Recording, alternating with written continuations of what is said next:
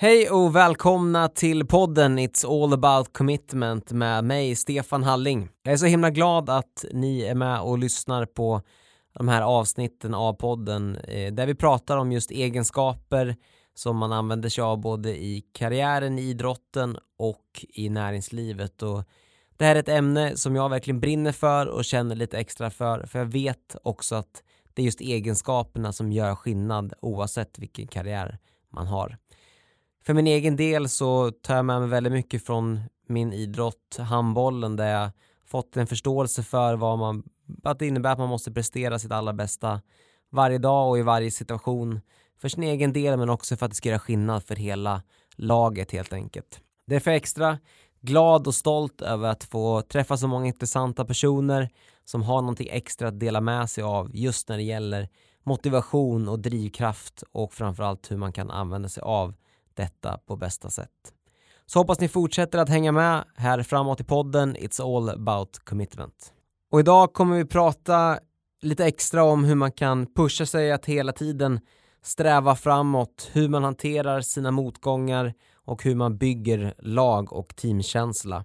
Och därför är det en stor ära att få välkomna den tidigare ishockeyspelaren i Kronor, NHL-spelaren och numera chefscouten för Columbus Blue Jackets, Josef Boumedienne.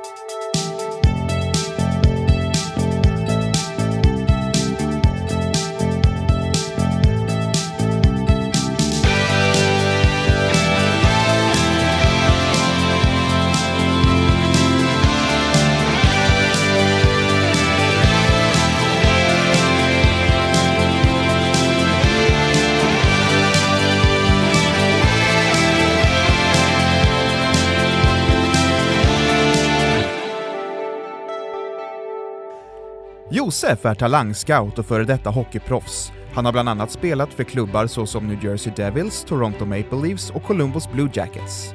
Han är 41 år gammal och bor idag på Lidingö tillsammans med sin fru och sina tre barn.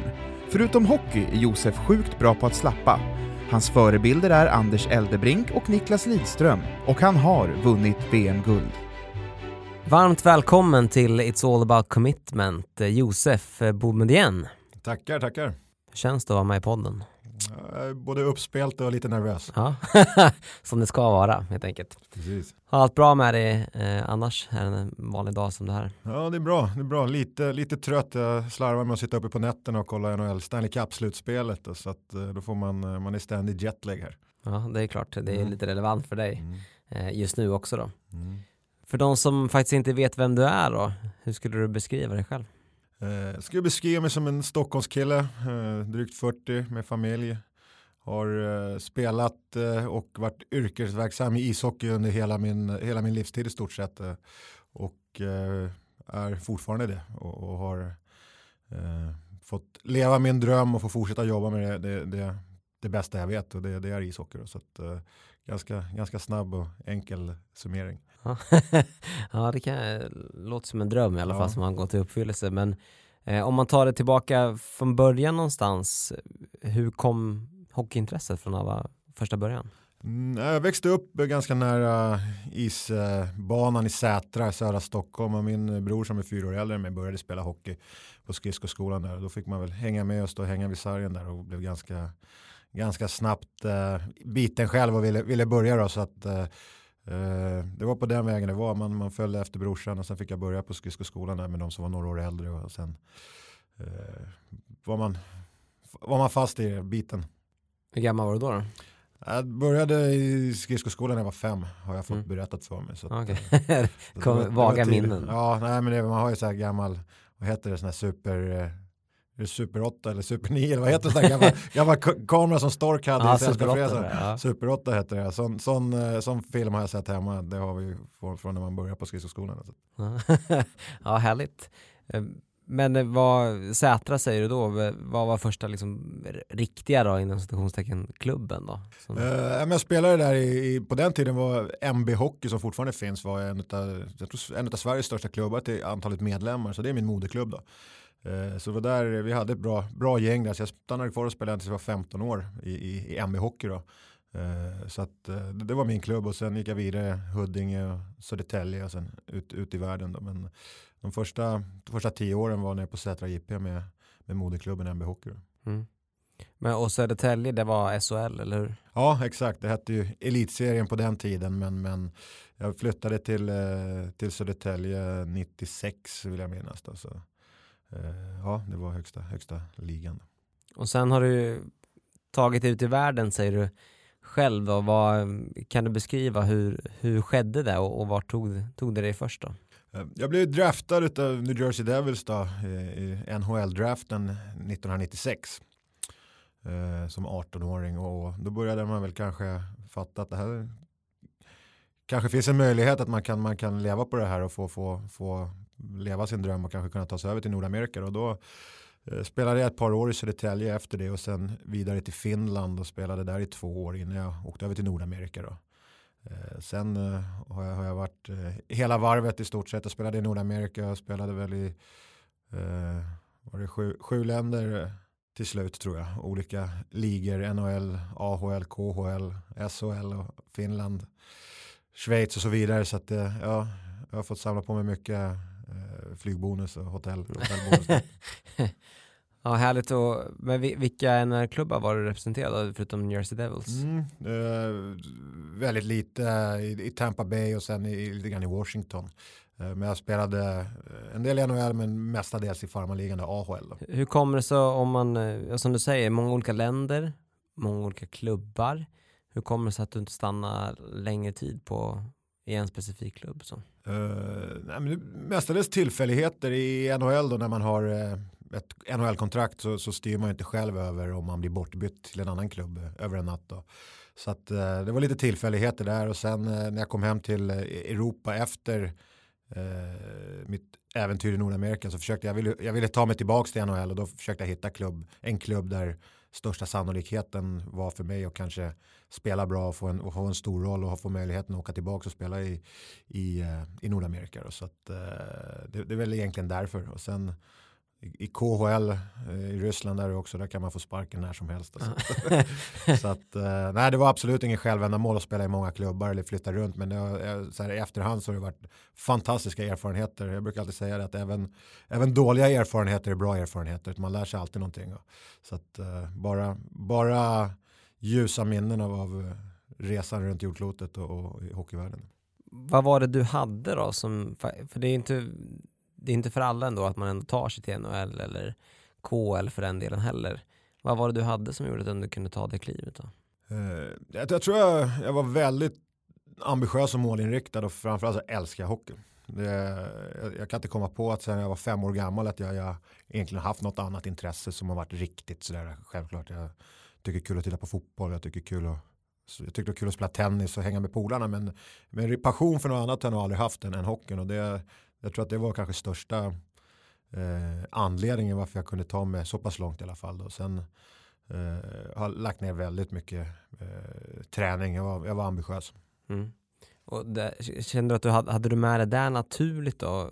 För du beskriver ändå någonstans en viktiga egenskaper, alltså i passion och eh, framförallt kanske som gjorde att du ändå kunde ta och ambitioner. Men eh, vad var det egenskapsmässigt hade då som hockeyspelare för att du kunde spela på den nivån? Svårt, svårt att svara på om sig själv sådär men, men eh, jag skulle säga att jag, jag, jag tränade extremt hårt och, och via eh, det så hade jag oftast bra självförtroende. Jag visste att jag hade, jag hade förberett mig alltid väl. Att det, det, jag tror inte det är någon som jag fick självförtroende av att veta att det är ingen som har tränat hårdare än mig i alla fall. Kanske lika mycket, det är möjligt, men jag hade svårt att säga att det var någon som hade tränat, hår, tränat hårdare och då, då fick jag självförtroende och på den, då kan man spinna vidare och alltid ta, ta nästa steg. Liksom då. Så att, eh, framförallt kärleken till sporten, det gjorde det, för mig var det alltid enkelt att träna hårt, för det var det bästa jag visste.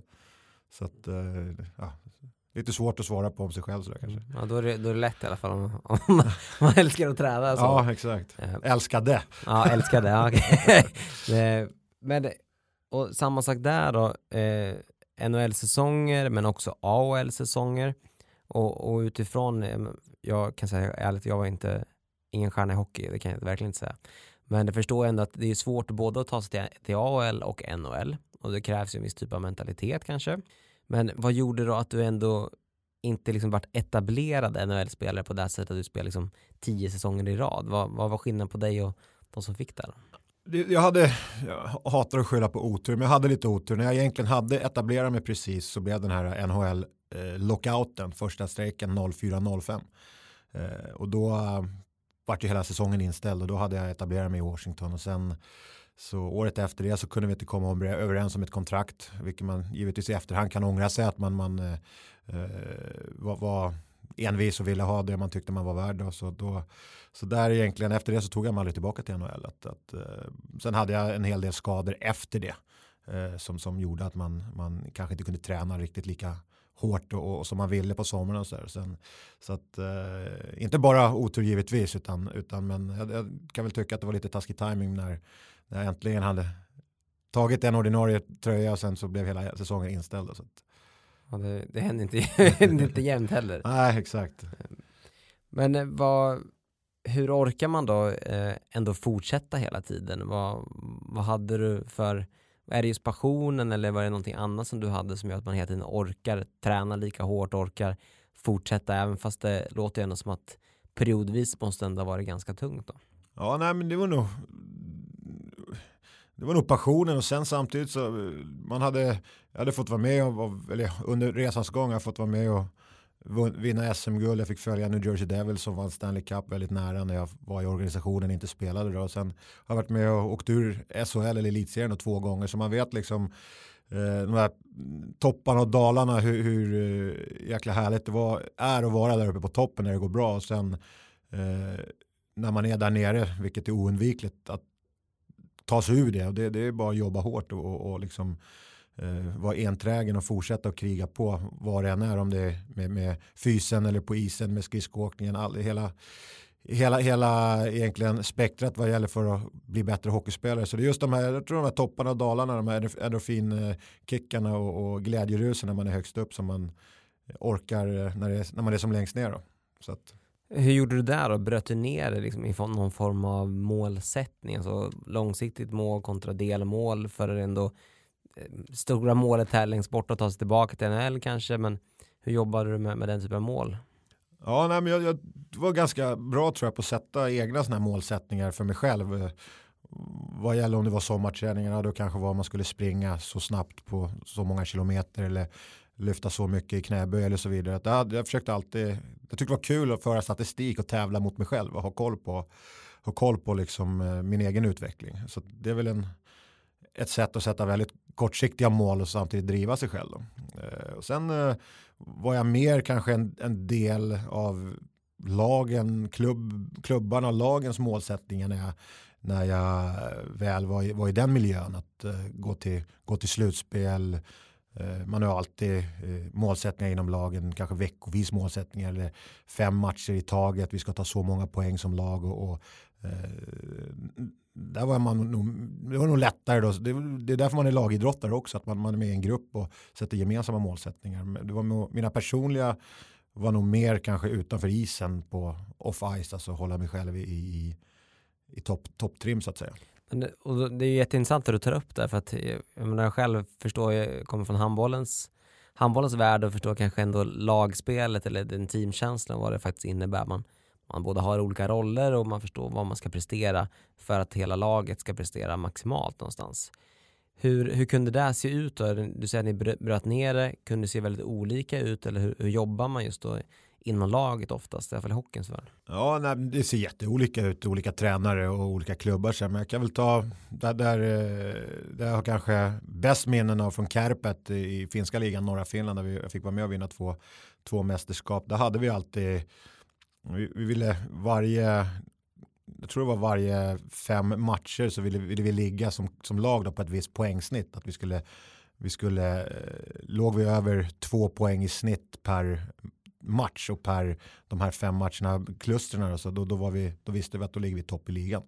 Eh, och, och, och, varje måndag så hade man genomgång om, om kommande vecka, tränaren hade genomgång kommande vecka, vad ska vi göra, varför ska vi göra det här och vad kommer det leda till. Så det var väldigt lätt att liksom få hela bilden som spelare. Att, att uh, nu har vi de här, nu har vi kanske inte match först på, på torsdag och då tränar vi så här på måndag och tisdag därför att. Så att det var alltid lätt och man behövde aldrig gå runt och fundera på varför vi gjorde saker och ting. Utan det var den, just den tränaren, Kari Jalonen som idag är nere i, i eh, Bern som tränare och vann faktiskt mästerskapet här för någon vecka sedan med Bern i Schweiz.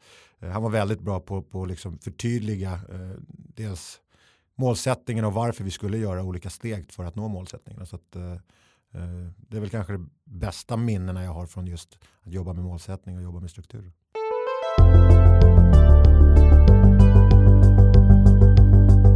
Något jag alltid funderar på när eh, proffsidrottare som det ändå har varit, när blir det idrotten bara, eller stationstecken bara ett jobb och inte längre en passion? Fel, fel man att svara på det faktiskt. För att, uh, det, det, har varit en passion för mig uh, varenda dag.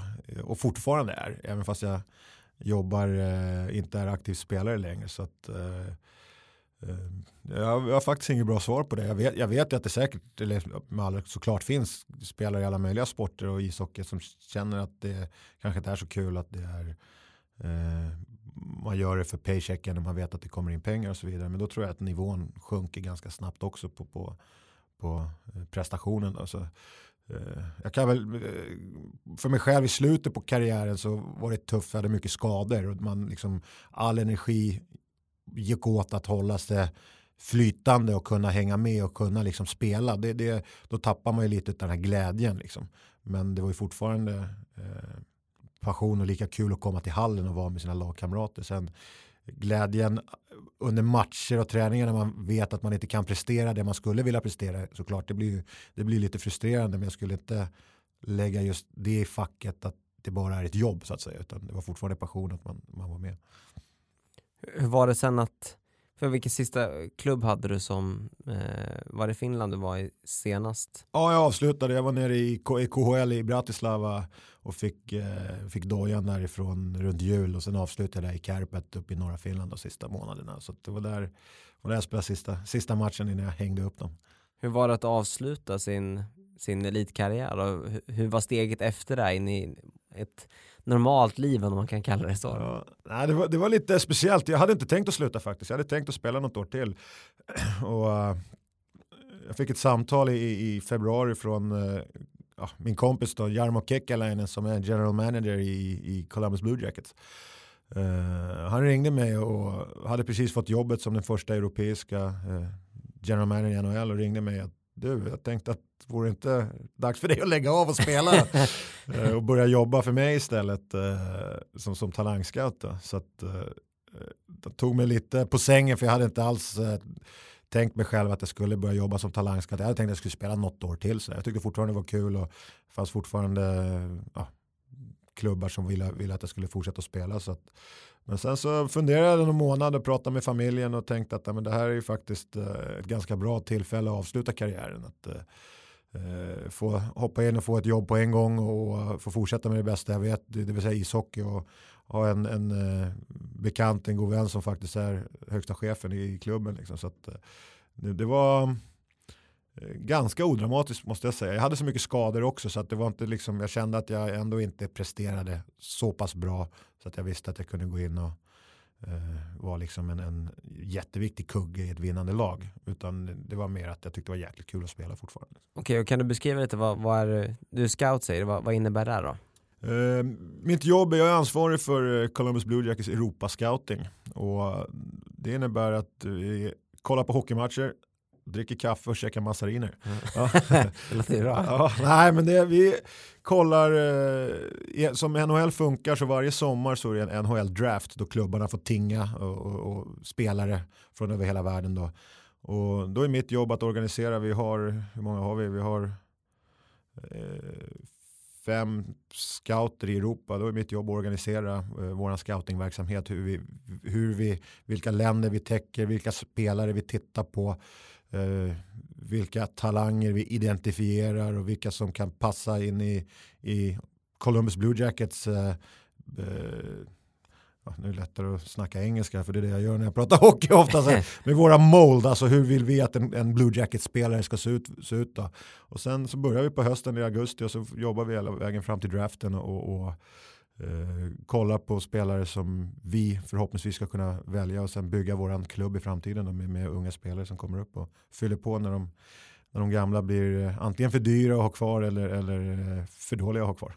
Okej, okay, men då, då ansvarar du egentligen för hela Europa eh, och vad innebär det då konkret i Um, du åker runt i alla länder alltså och kollar och följer alla intressanta spelare egentligen inför ja. draften. Ja, precis. Vi har eh, Eh, scouten i Tjeckien, han täcker eh, ja, Europa då, så har vi en i Ryssland, vi har i Finland, vi har en till i Sverige, vi har egentligen två i Finland och sen eh, och de kollar sina områden då och, och har koll på sina eh, ja, svenska, vår svenska skatt, han kollar Sverige, han har koll på alla spel i Sverige. Då är mitt jobb att åka runt och kolla på de bästa spelarna och kolla att, att jämföra spelare egentligen. Så, att, så det är mycket, blir mycket resor och mycket hotellnätter under eh, vinterhalvåret. Då. Men samtidigt så har man ganska mycket, mycket, mycket längre somrar än en, en, en vanlig arbetare. Så att, eh, det är tufft att vara borta mycket men somrarna gnäller man inte så mycket. Mm.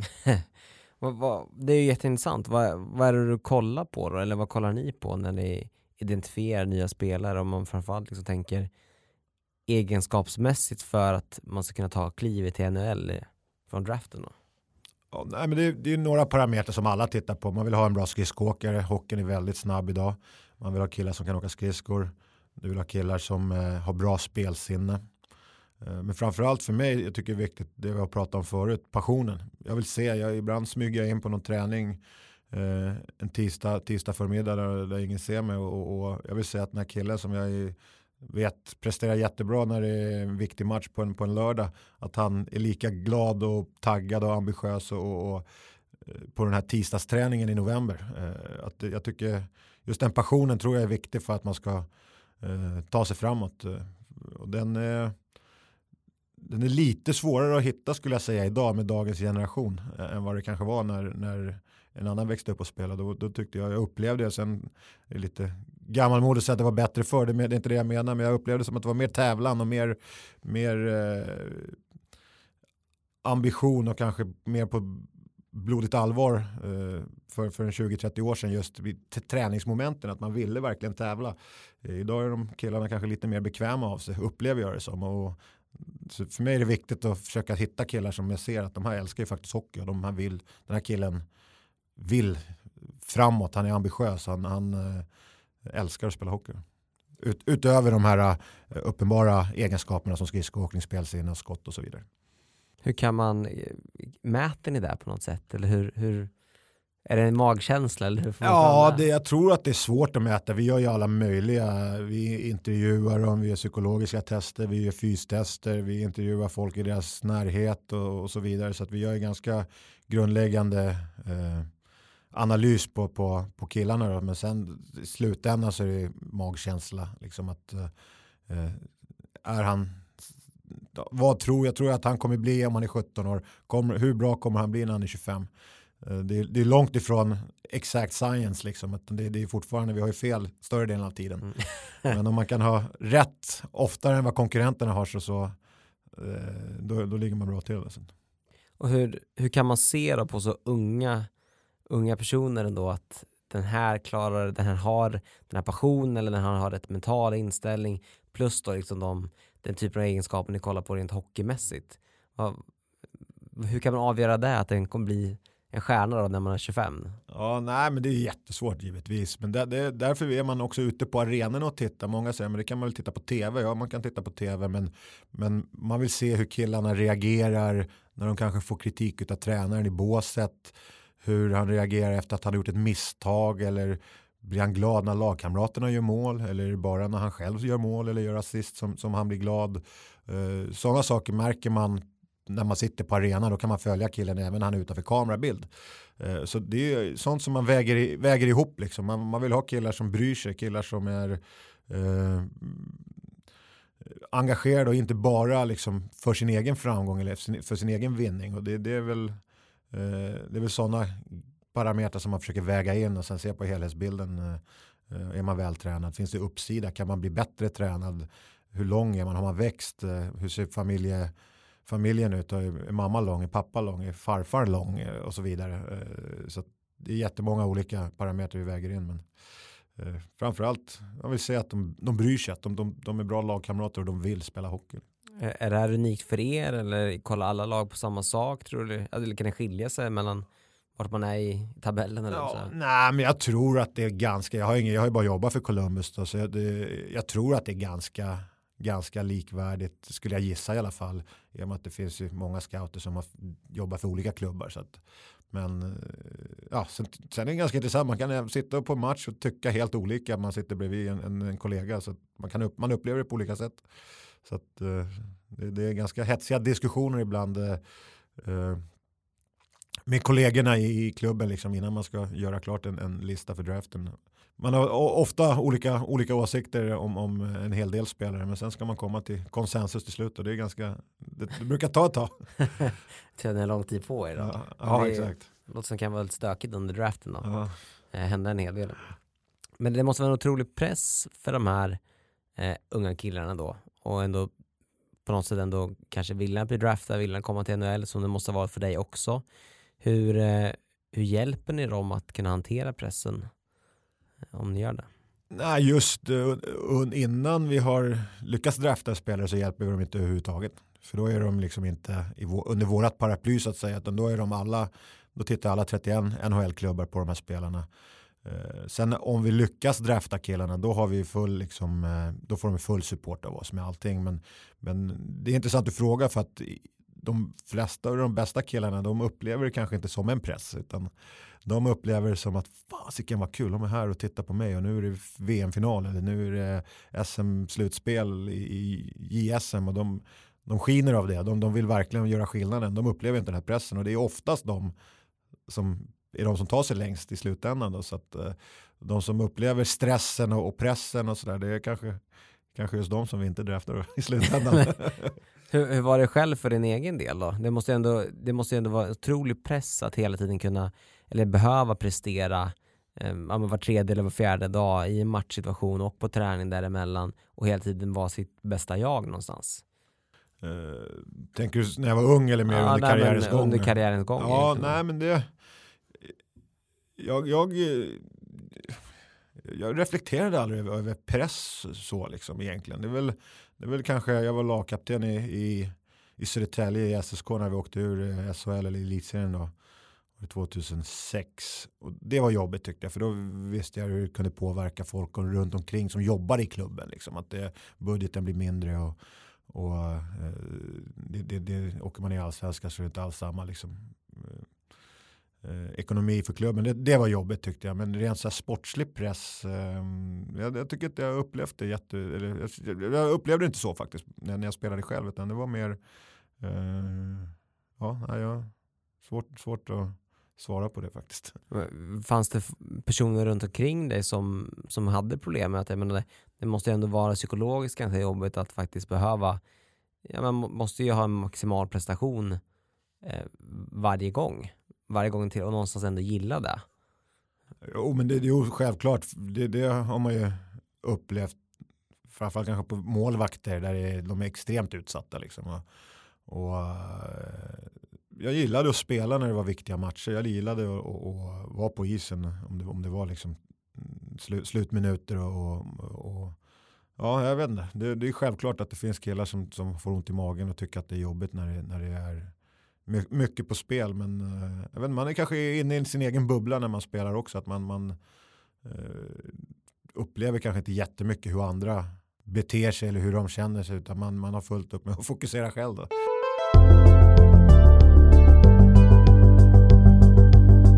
Hur tycker du idrotten har format dig då framförallt till, till livet någonstans efter karriären? Jag menar du jobbar absolut med hockey fortfarande och, och kollar på, på talanger idag runt om i Europa men, Ehm, men också med egentligen allt som har skett efter karriären. Eh, du är också med ett bolag som heter Helsinki Capital.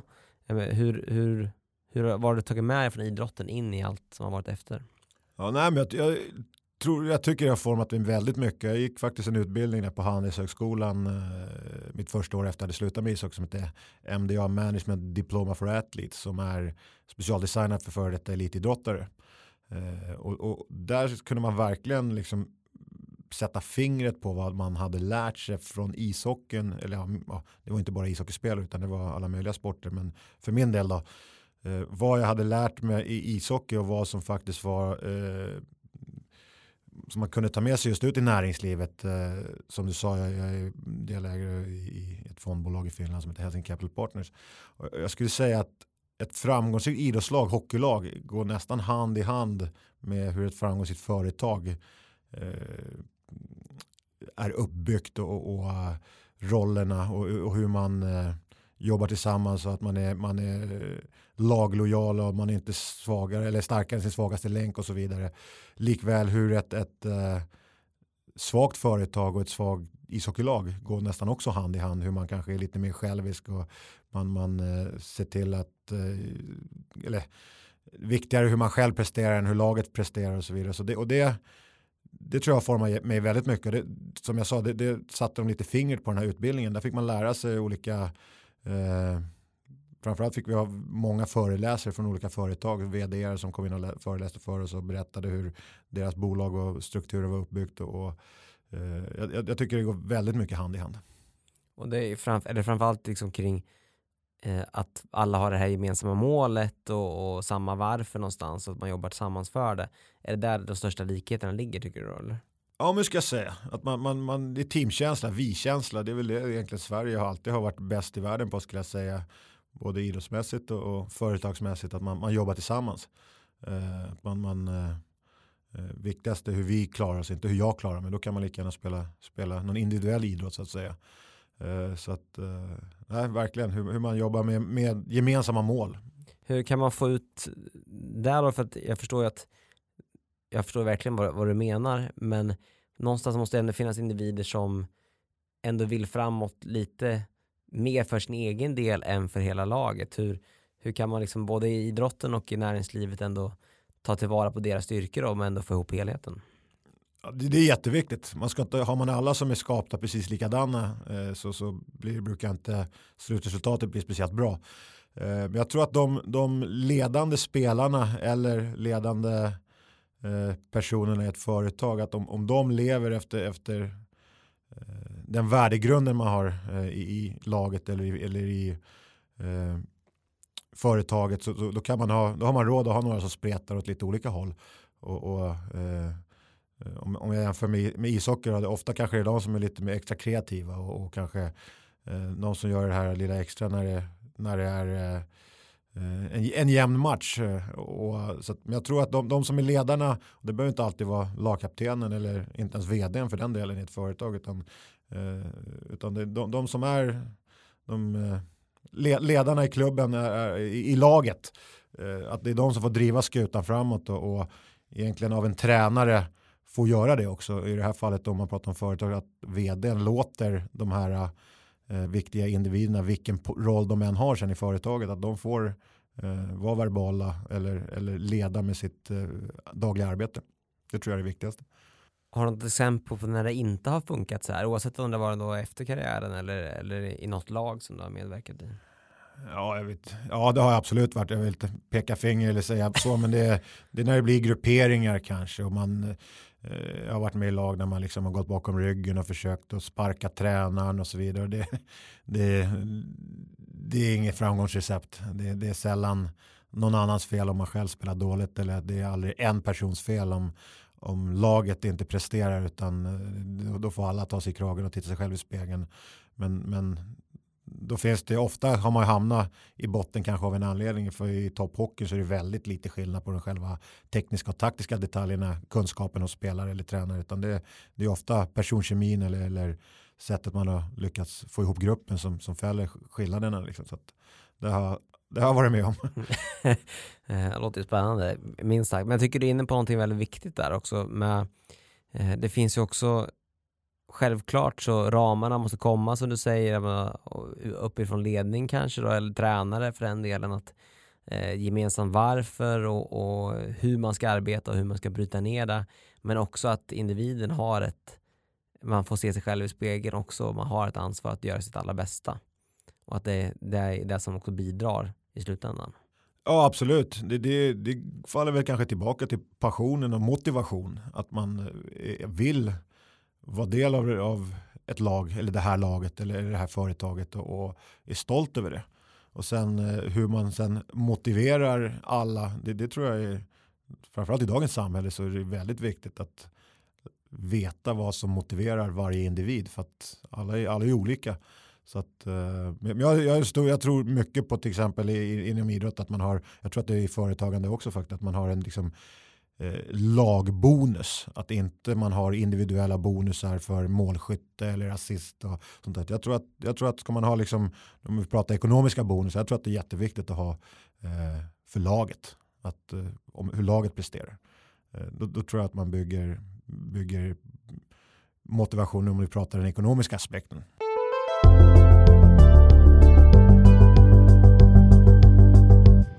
Vad tror du framåt då om du liksom tänker, jag menar, du är ändå öga för talanger antar jag då helt enkelt. Vad, eh, vad blir viktigast liksom för, för den generation som är nu men också kommande att faktiskt tänka på att man kanske egenskapsmässigt behöver träna på eller, eller få med sig in?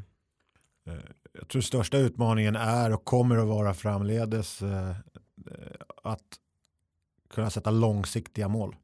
Eh, som vi vet, all, vi, vi får extremt mycket liksom kortsiktig feedback, kortsiktig belöning från ja, alla apparaterna vi använder, mobiltelefoner och sociala medier och så vidare. Så att det är jättesvårt för framförallt för ungdomarna att kunna se nyttan av det jag gör idag. Hur kommer det? Hur har jag nytta av det om fem år? Eh, där tror jag är en nyckel för oavsett om det är idrott eller, eller i näringslivet eller i utbildning att eh, orka vara enträgen och orka eh, förstå att det jag gör, gör nu kanske inte har så mycket nytta av om en månad men kanske om två år. Där, där, jag har inte nyckeln till hur man lyckas motivera ungdomar eller få dem att förstå det för att det är sånt brus hela tiden och eh, man jagar likes och man jagar kortsiktig belöning så att ja, det, där tror jag är nyckeln. Kan jag skriva under på. Det kan man känna igen sig själv också för den delen. Um, har du något annat eh, avslutande tips för eh, hur du har gjort eller hur du tycker man faktiskt kan träna sina egenskaper för att bli ännu mer framgångsrik? Jag tror att det, det är viktigt att uh, man ska definitivt bli bättre på, på, på sina brister. Om nu, vi nu generaliserar inte bara idrott utan det, det, det, man är lite, lite svag på är viktigt att, att, bli bättre på. Men jag tror att det är ännu viktigare att bli ännu bättre på sin sweet spot. Eh, att man verkligen, är du, är du i ishockey och är du jätteduktig, har du jättebra skott, ja men se till att det är jättebra, att det där har du din, liksom, din edge. Eh, är du väldigt duktig på matematik, se till att du är jätte, jätteduktig på matematik och börja inte, träna inte enbart på dina svagheter. Eh, så, så, det tror jag att man eh, ofta det känns i alla fall som man ofta glömmer bort att ja, men han, han, är bra på det här, nu måste han bli bättre på allt det här. Jo, men bli ännu bättre på det du är bra på. Är det någon skillnad kan du se om man kollar Sverige eller Skandinavien kontra Nordamerika till exempel? Hur man, hur man tar sig an den, den problematiken? Eh, ja, i alla fall hur man kommunicerar. Hemma är man ju i Sverige är man ganska snabb på att kritisera och liksom hitta brister i något. Eh, Medan ja, om vi tar Nordamerika då, där är man väldigt snabb på att hitta eh, styrkor och, och, belysa dem och peppa och lyfta upp dem. Eh, så att i alla fall hur man verbalt kommunicerar tycker jag är jättestor skillnad. Sen hur man sen gör i praktiken eh, kan jag inte svara på om, om, om man jobbar mycket mer i Sverige på sina brister kontra i Nordamerika. Det, det vet jag faktiskt inte. Det har inte, det har inte följt så men rent kommunikativt tycker jag att det är stor skillnad. Härligt, eh, många bra tips här från, från Josef i alla fall. Det är bara att ni tar fram papper och penna och, och skriver ner. Eh, vad, vad händer för dig här härnäst då, eh, närmsta tiden? Ja, jag ska dra över till eh, Columbus, eh, Ohio här på måndag och följa mitt lag Blue Jackets som gick vidare till andra omgången i slutspelet i NHL. Då. Så att jag ska se match tre och match fyra hemma i Columbus mot Boston. Så det blir jättekul och spännande. Första gången som Blue Jackets har gått förbi första och vunnit första omgången i slutspelet. Så att det, det, det är det kortsiktiga. Härligt, det ser vi fram emot. Mm. Tack så jättemycket Josef för att du gästade It's All About Commitment. Tack för att jag fick komma.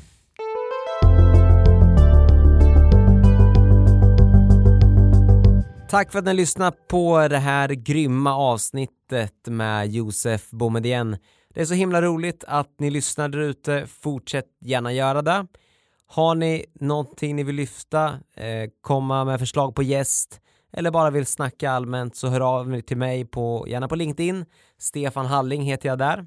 Gå jättegärna in och ratea eller ge recension också på iTunes om ni tycker om det ni hör. Producent har som vanligt varit Story of You och tack så jättemycket för att ni har lyssnat på ännu ett avsnitt. Ha det bra så hörs vi igen.